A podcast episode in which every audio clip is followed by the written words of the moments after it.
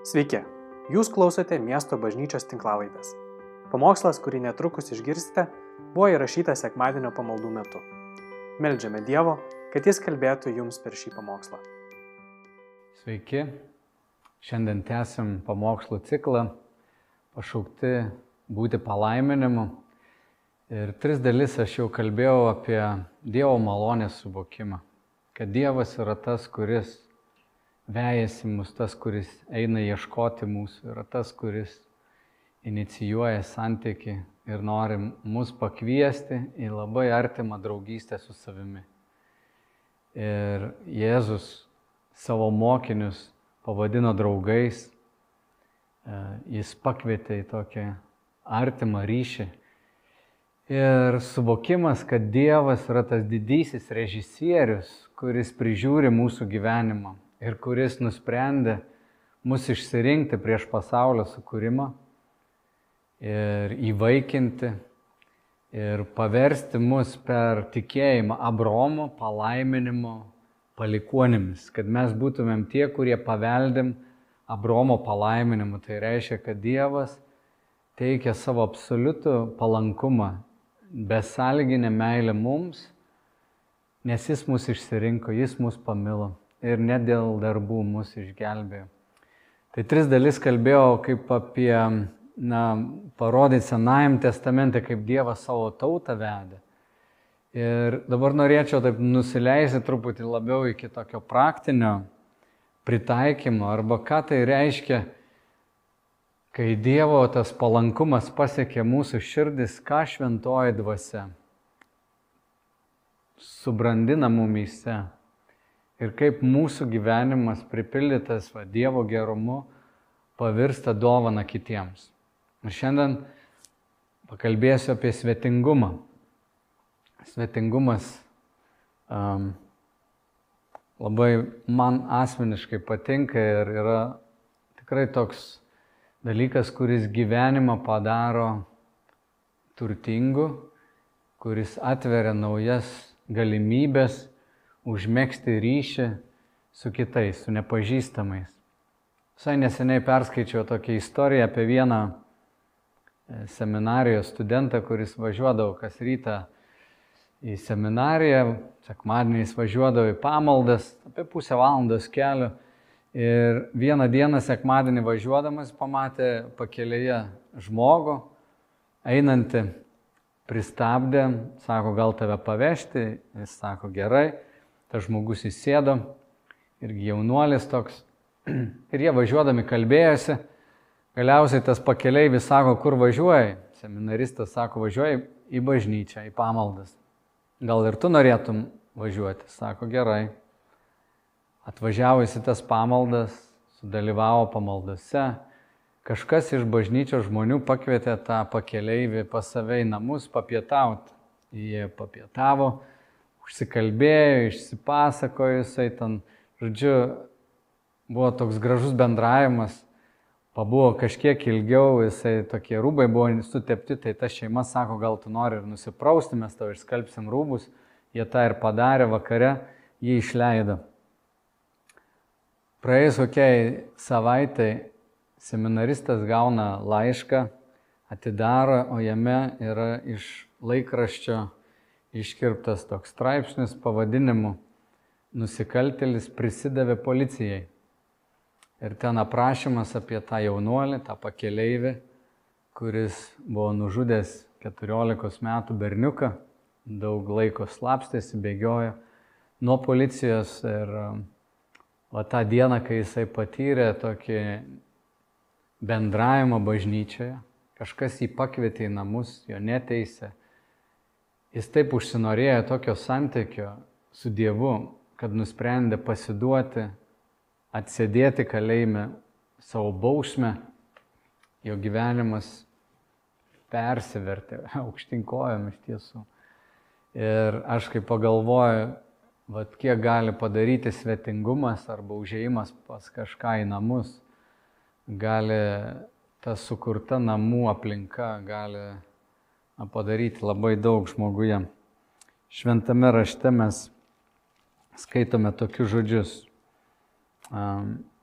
apaštalas Paulius sako, dalinkitės šventųjų poreikiais, puoselėkite svetingumą. Dalinkitės šventųjų poreikiais. Vadinasi, kai tu išgirsti apie kažkokį poreikį, tai tu prisimi dalį tos naštos, kažkokiu būdu padedi. Ir puoselėkite svetingumą, tas žodis svetingumas graikų kalboje yra filoksenija. Filos yra meilė, auksenija yra svetimas. Mes žinom žodį ksenofobija, irgi tas kseno arba ksena yra svetimas, vat, baimė svetimo kažko ne, ne, ne, nepažįstamo. Ir apaštalas Paulius sako, puoselėkite arba praktikuokite svetimo meilę. Meilė svetimam žmogui nepažįstamam. Dar viena rašto vieta laiškė hebrajams irgi skaitom tokį paraginimą, tai išsilaiko brolišką meilę. Nepamirškite svetingumo, nes per jį kai kurie patys to nežinodami priemi viešnagien angelus. Ta pati mintis, tai išsilaiko broliška meilė, meilė pasireiškia mano laiku, kurį aš savo artimui, savo broliui duodu. Taip pat kažkokiu būdu parodau jam gerumą, malonumą, kantrybę. Ir nepamirškite svetingumo arba meilės svetimiems. Tai Žinoma, kontekstas, kai mes skaitom Senąjį testamentą, turim suprasti, kad mes šiandien gyvenam truputį kitoje aplinkoje. Kai Jėzaus laikai žmonės praktikavo svetingumą arba meilę svetimui, tai buvo labai įprastas dalykas, nes žmonės keliaudavo ir nebūdavo labai saugu keliauti. Keliaudamas turėdavo apsistoti kažkur, nes kelionės būdavo ilgos, nebuvo tokių greitų transporto priemonių, turėjai susirasti svetimus namus. Viešbučių irgi daug nebuvo. Ir tas, kuris priima svečią, jis parodo svetingumą.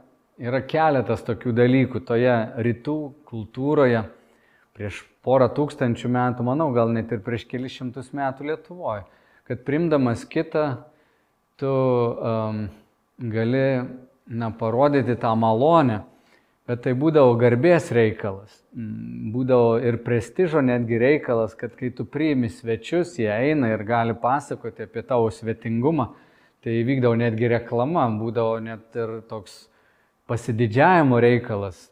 Rytuose jūs žinote, kad jeigu nuvyksi kur nors į šalį, kur žmonės yra neturtingi, bet vat, iš tų pietų, rytų kraštų, labai dažnai jie paukos ten geriausią savo maistą svečiui atiduos nes tai yra dalis tos reputacijos, atiduoti geriausią.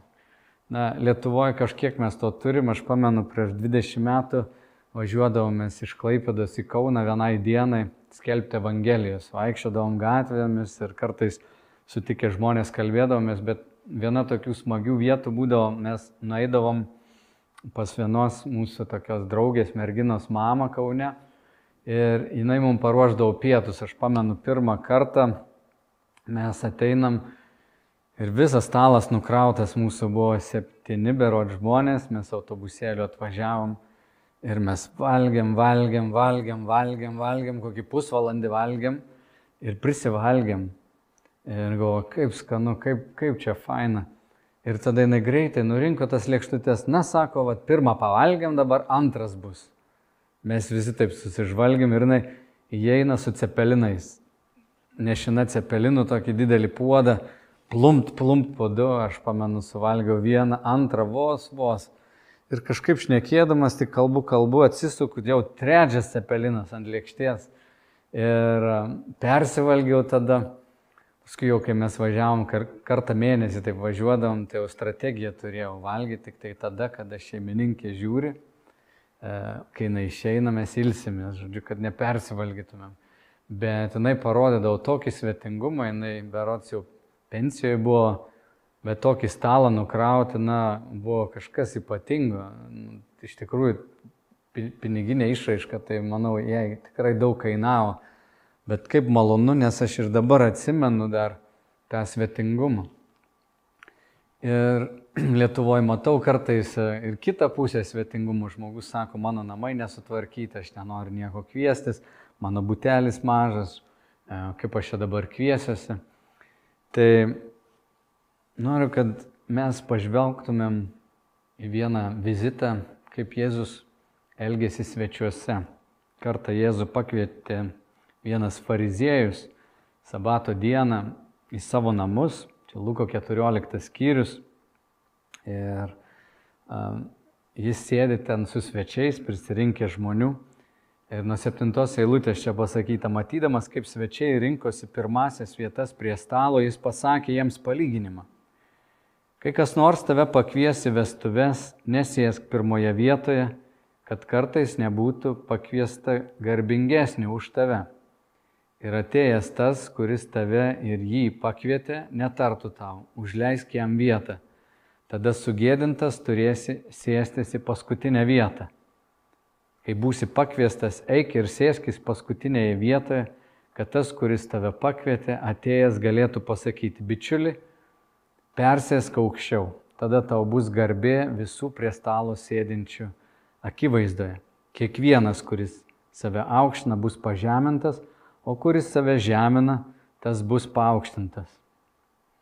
Jėzus kaip geras pamokslininkas randa progą pamokyti tuos, kurie yra susirinkę, jis ne savo namuose, bet žiūrėdamas, kaip žmonės konkuruoja, vieni sėda į pirmas vietas, nori kuo greičiau, galbūt Jėzus įžymybė, rabinas tikrai garbė atsisėsti šalia jo, kiek galima arčiau.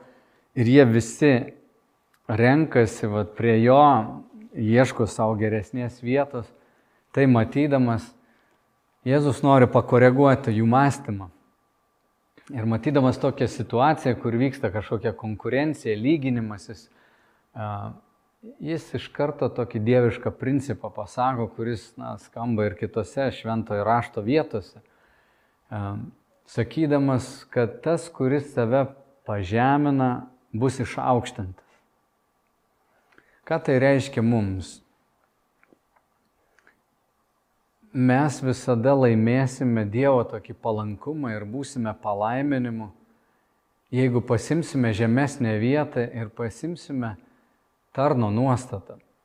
Čia kontekstas žinoma yra, kai tave pakviečia, tu ateini ir jeigu tu nenori būti sugėdintas, na geriau sėskis ten, nes tuo metu, kai Vat Jėzaus laikais, kai rinkdavosi į svečius, tai buvo kviečiami tik tai pažįstami žmonės ir visi žinojo, kokio artumo tu esi arba kokio kilmingumo tu esi ir pagal tai, kokios iš, iškilmės arba kokio lygio tu esi, tave į tokią pagarbę vietą ir pasodina.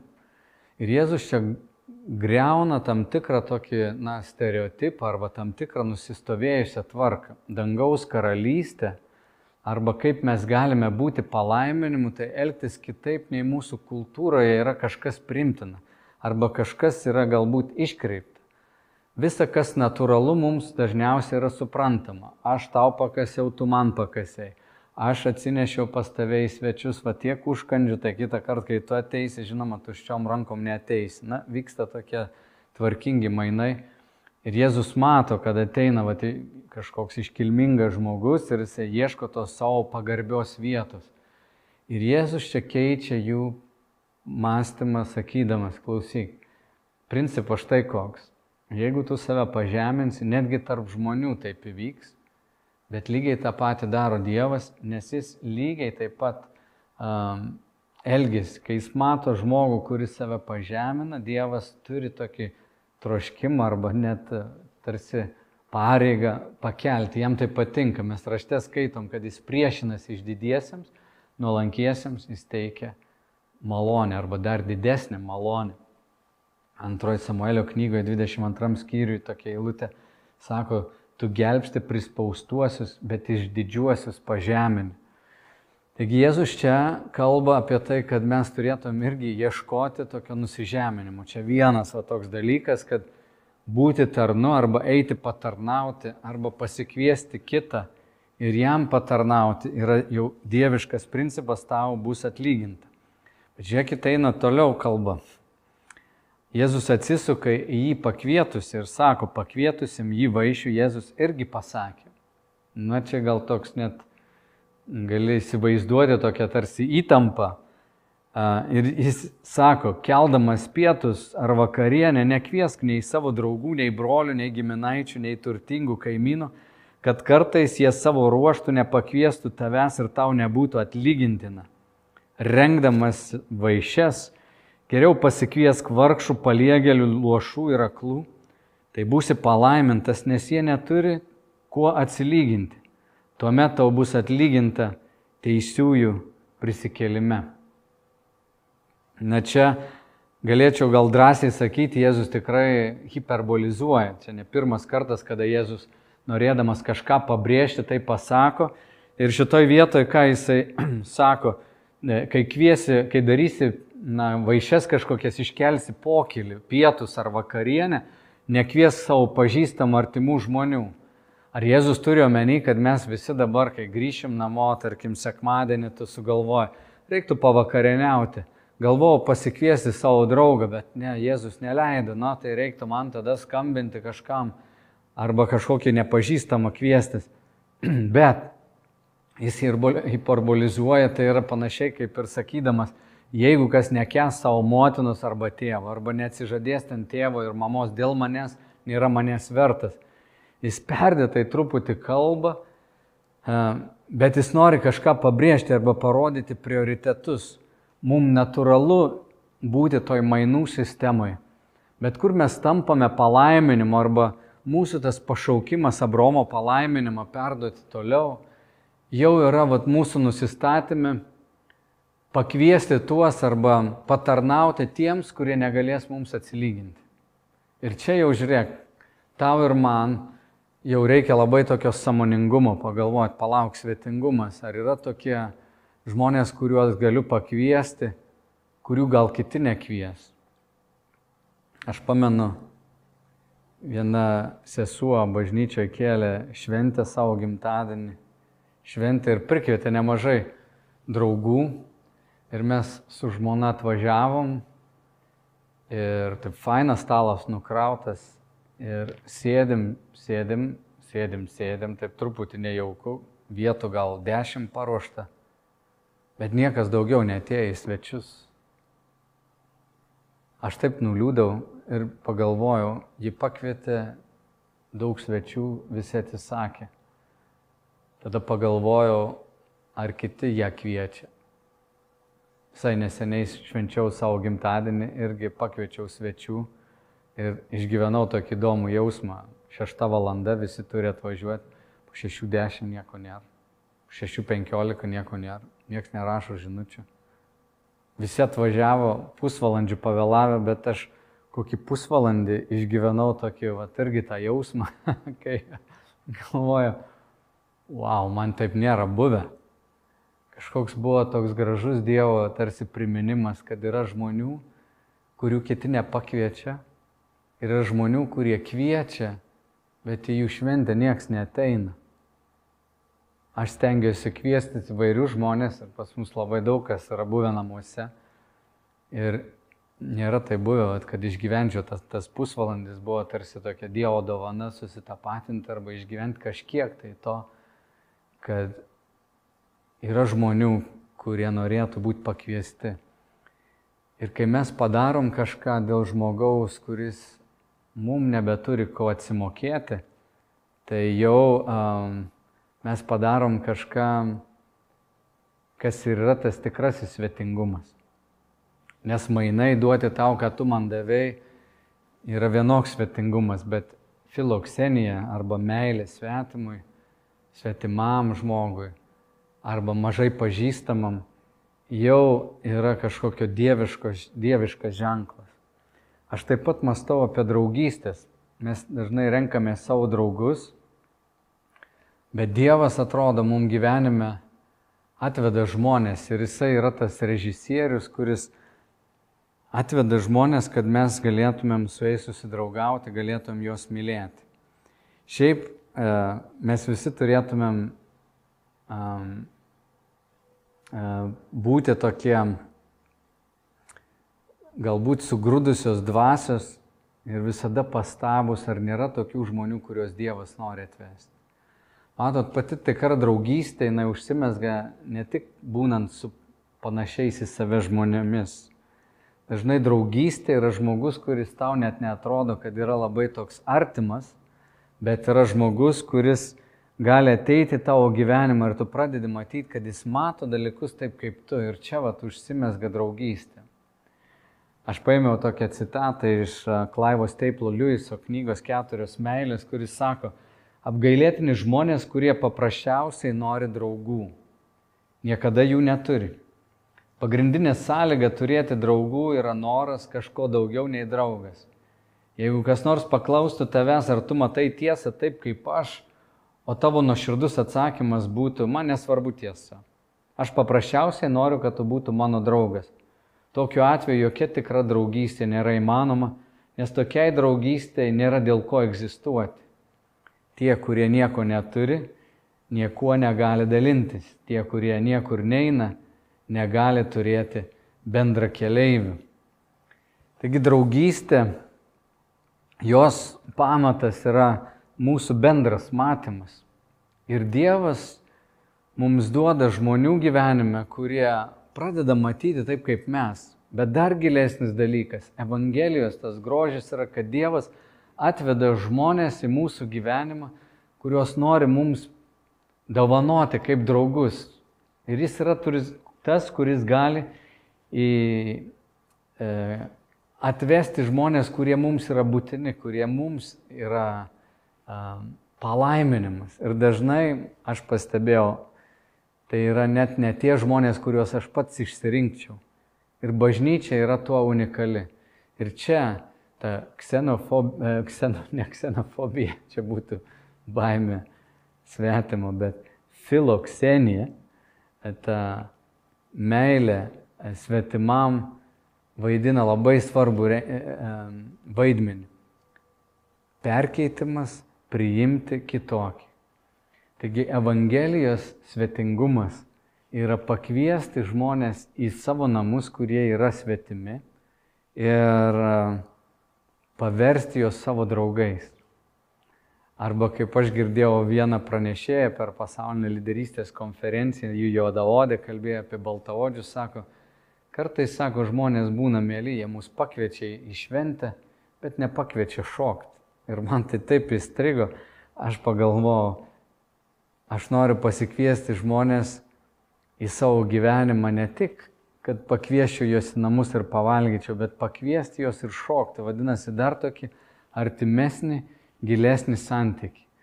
Ir mes bažnyčioje propaguojam šitą svetingumą, sakom, esam svetingi, mes mokomės priimti kiekvieną, kaip Jėzus priėmė mus.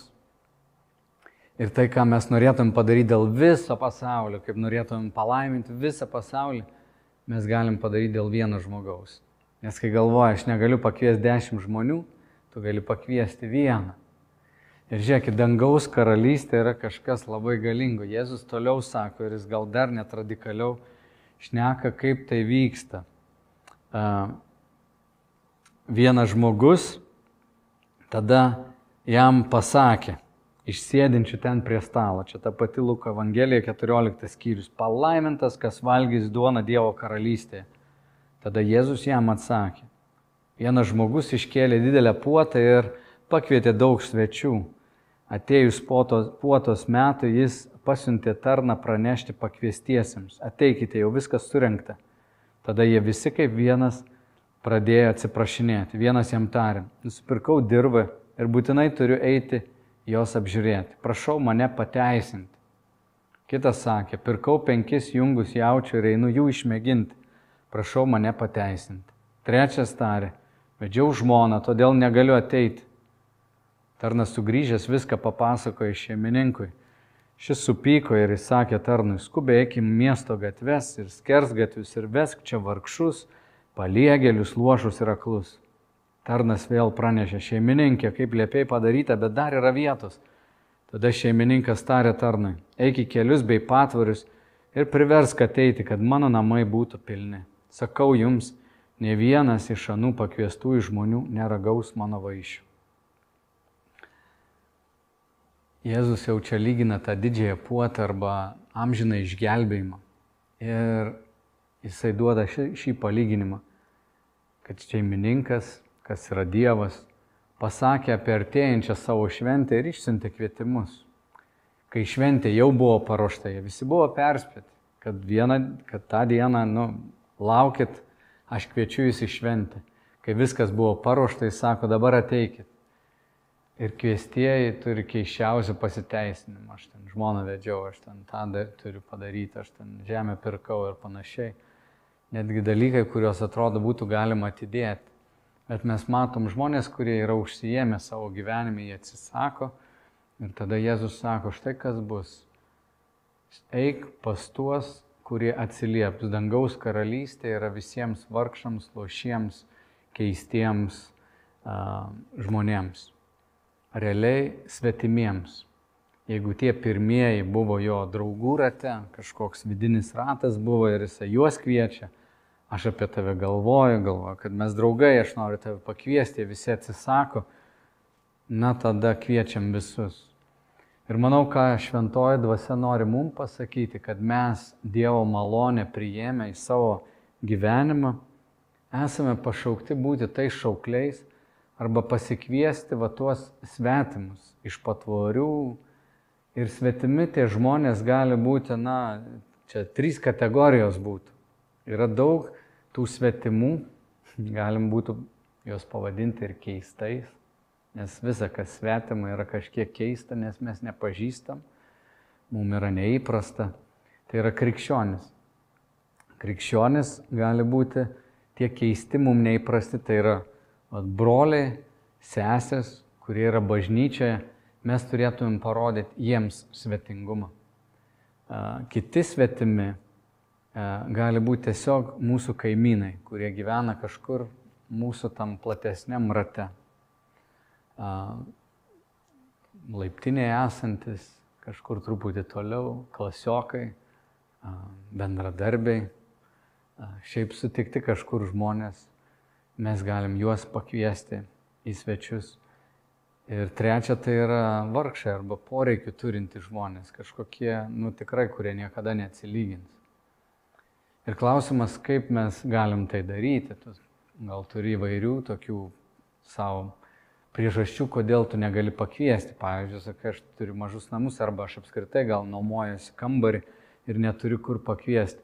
Tai pirmiausia, turim suprasti, kas yra namai. Kad namai tai nėra namas. Daug žmonių turi prabangius pastatus, kuriuose gyvena, bet jie neturi namų. Tai yra namas, bet ne namai. Namai yra vieta, kur žmogus gali atsipalaiduoti, kur žmogus jaučia užuovėją nuo išorinio kažkokio pasaulio poveikio, nuo, nuo apkalbų, nuo kažkokio teisimo. Namai yra ta vieta, kur atsipalaiduojam, kur esam priimti kur galim ilsėtis, kur galim jausti šilumą. Tai yra namai. Ir tuos namus mes galim sukurti. Netgi airių toks uh, suvokimas yra, kad yra, uh, yra darbas, yra namai, yra dar trečia vieta. Ir trečia vieta yra pabas arba tokia smuklė, kurią žmonės penktadienį vakare po darbų susirenka. Tai vat, smuklė, kad įsivaizduotum, yra vieta, kur žmonės ateina be jokio teisimo, jie linksminasi, ten, tarkim, geria alų, jie šnekasi, kažkiek nuleidžia garo po visų ten savaitės darbų. Trečia vieta - restoranas, kavinė gali būti ta, tie patys namai. Jeigu tu negali namus pasikviesti, pasikvietęs prie kavos podelio, sukurk namus. Sukurk namus, um, sukurdama šilumą, prieimimą, Taip kaip Jėzus tave priėmė, parodydamas dėmesį, brolišką meilę, skirdamas laiko. Tai didžiausia, didžiausia dovana, ką tu gali padaryti. Ir mes esam tam pašaukti. Dar viena citata C.S. Lewiso yra tokia. Jis sako, krikščionio gyvenime nėra atsitiktinumų. Slaptas renginio vedėjas visada darbuojasi, tai yra Dievas. Kristus, kuris pasakė mokiniams, ne jūs mane išsirinkote, bet aš, aš jūs išsirinkau, tikrai gali pasakyti kiekvienai krikščionių grupiai, ne jūs išsirinkote vienas kitą, bet aš išsirinkau jūs vienas kitam. Dievas apreiškia tau kito žmogaus grožį. Šventėje Dievas paruošė vaišes, Dievas sukvietė svečius, Dievas yra šeimininkas. Todėl nešveskime vieni be šeimininko. Tai čia yra mūsų pašaukimas būti palaiminimu kitiem. Ir Kristaus meilė nukeliauja pas tos svetimus žmonės, kuriems mes parodome tą filokseniją, meilę svetimui. Mes esame Kristaus rankos, Kristaus lūpos akis, nes mes patys iš jo gavome tą malonę. Žiūrėk, Jėzus paliko savo tėvą, gimė šitoj žemėje, jis tapo vargšu, jis tapo benamiu dėl tavęs ir manęs. Buvo pilna žmonių, kurie gyveno savo namuose, Jėzus bastėsi, atrodo, su mokiniais, iš svečių į svečius, iš vienų namų į kitus. Kažkas jiems surinko aukas, kažkas tiesiog išlaikė. Bet Jėzus eidavo visur, jis eidavo į namus, bet jis tapo vargšu dėl tavęs ir dėl manęs ir jis atėjo į šitą žemę, kad uh, numirtų ant kryžiaus už mus, kad prisimtų mūsų kaltės, mūsų purvą, mūsų nešvarumą. Jis yra tas, kuris sumokėjo kainą.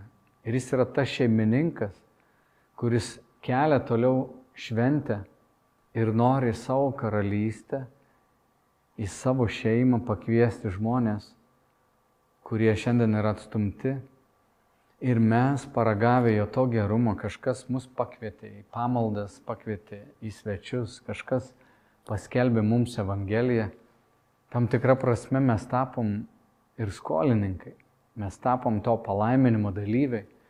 Ir kaip bažnyčia mes išgyvenam tą artumą, mes turim priimti vienas kitą ir suprasti, kad šalia manęs sėdintis žmogus dabar yra Jėzaus pašauktas, ne aš jį pasirinkau ir jis manęs neišsirinko. Aš negaliu natūraliai tik mąstyti, va tu man patinki ar nepatinki, bet realiai aš turiu suvokti, kad yra tas baliaus šeimininkas. Pamaldas, kai mes susirinkam sekmadienį, yra ta šventė, kur mes išgyvenam balių, šventoji dvasia, pats Kristus per šventąją dvasę ir tėvas, trejybė yra mūsų tarpe Ir jis mus atvedė vienas kitam, kad mes parodytumėm tą meilę, atjautą. Bet ne tik pamaldose, kad išsiskirstytumėm net nepažindami vienas kito vardą, bet kad išėję mes išsineštumėm vienas kitą savo širdys. Dėl to mes ir pamaldas tokias pradėjom daryti mažesniam tam formate ir taip norisi, kad kiekvieną kartą mes išgyventumėm tą susipažinimo, tokio, kad brolis į Kristų tas svetimas taptų artimu, įsikristų į mano širdį, kad aš galėčiau jam kažkuo pasitarnauti, jis galėtų man pasitarnauti. Ir svetingumas yra jo paliepimas ir jo palaiminimas mums. Ir tikruosis dieviškumas man bažnyčia yra ne, kad mes tokie faini vienas kitam, bet kai vyksta konfliktai, kai mes matom netgi skirtingai kažką, mes išmokstam atleisti ir priimti. Ir to turim mokytis daryti, nes Kristus mums labai daug atleido. Turim mokytis atleisti vienas kitam, priimti vienas kitą, nes čia ir yra dangiškas grožis, kuris pasireiškia mumise. Santykiai, kurie išlieka, santykiai, kuriuose mes išmokstam susitaikyti ir priimti Ir tą, su kuriuo šokdami, na, užminėm jam ant kojas arba jis man užminė ant kojas, mes pakviečiam antrą kartą šokti. Ir gal jis nemoka šokti, gal jo elgesys nėra gražus, jisai šoka, mindo kojas, erzina, gal, a, vargė to vargė, bet buvo laikas, kai aš nemokėjau šokti, aš išmokau gražiau šokti. Bet šokdamas su juo aš galiu jį priimti, jį pakesti, jį palaikyti. Va į tokią šventę, į tokį svetingumą esame Kristaus pakviesti. Ir aš raginu kiekvieną iš mūsų apmastyti, kur yra tos vietos vat, arba tie žmonės, kuriuos Dievas nori atvesti tavo gyvenimą. Kada paskutinį kartą buvai pasikvietęs svetimą arba tau mažai pažįstamą žmogų. e, raginu padaryti tai prioritetu.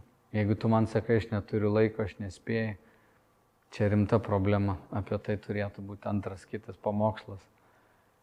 Bet meilė paverskim prioritetu, nes tai yra na, Kristaus kvietimas mums, skirdami laiko žmogui, kurį Dievas pašaukė į mūsų gyvenimą, į mūsų aplinką, krikščionis, kaimynas ar šiaip nepažįstamas žmogus gali tapti didžiausią dovaną. Tai mano malda, te viešpats padaro mus svetingais, kad mūsų tas malonės išgyvenimas, kaip jis mielai mus priėmė, kaip neteisdamas, nekaltindamas jis mus priėmė, kad tai pasidaugantų per kiekvieną iš mūsų. Ir mes kaip jo vaikai šitam pasaulyje, šitoje aplinkoje būtumėm pažinti kaip tie, kurie esame svetingi. Kristaus malonė ir ramybė te būna su jumis visais. Gražios dienos. Ačiū, kad klausėte. Daugiau informacijos apie miesto bažnyčią rasite internete www.m-b.lt arba Facebook, Instagram bei YouTube paskiruose.